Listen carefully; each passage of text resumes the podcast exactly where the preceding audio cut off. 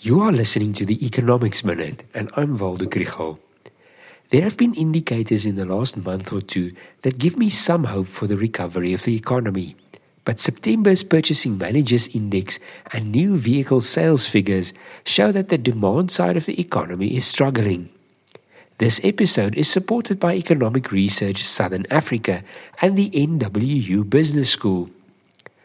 Absa and the Bureau of Economic Research's Purchasing Managers Index decreased by 4.3 points to 45.4 in September. The company's purchasing manager thinks ahead, and in September, their view was that new orders and business activity were decreasing, while purchasing prices of inputs were increasing. Exporters' business is dampened by slow growth in Europe and the UK, and domestically, fuel price increases and high interest rates are diminishing demand.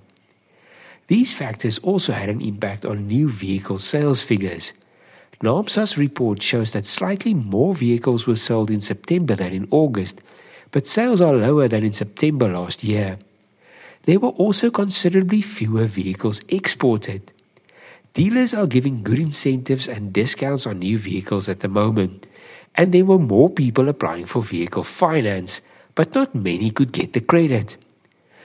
In all, over the first nine months of the year, there were 2.5% more vehicles sold than over the same period last year.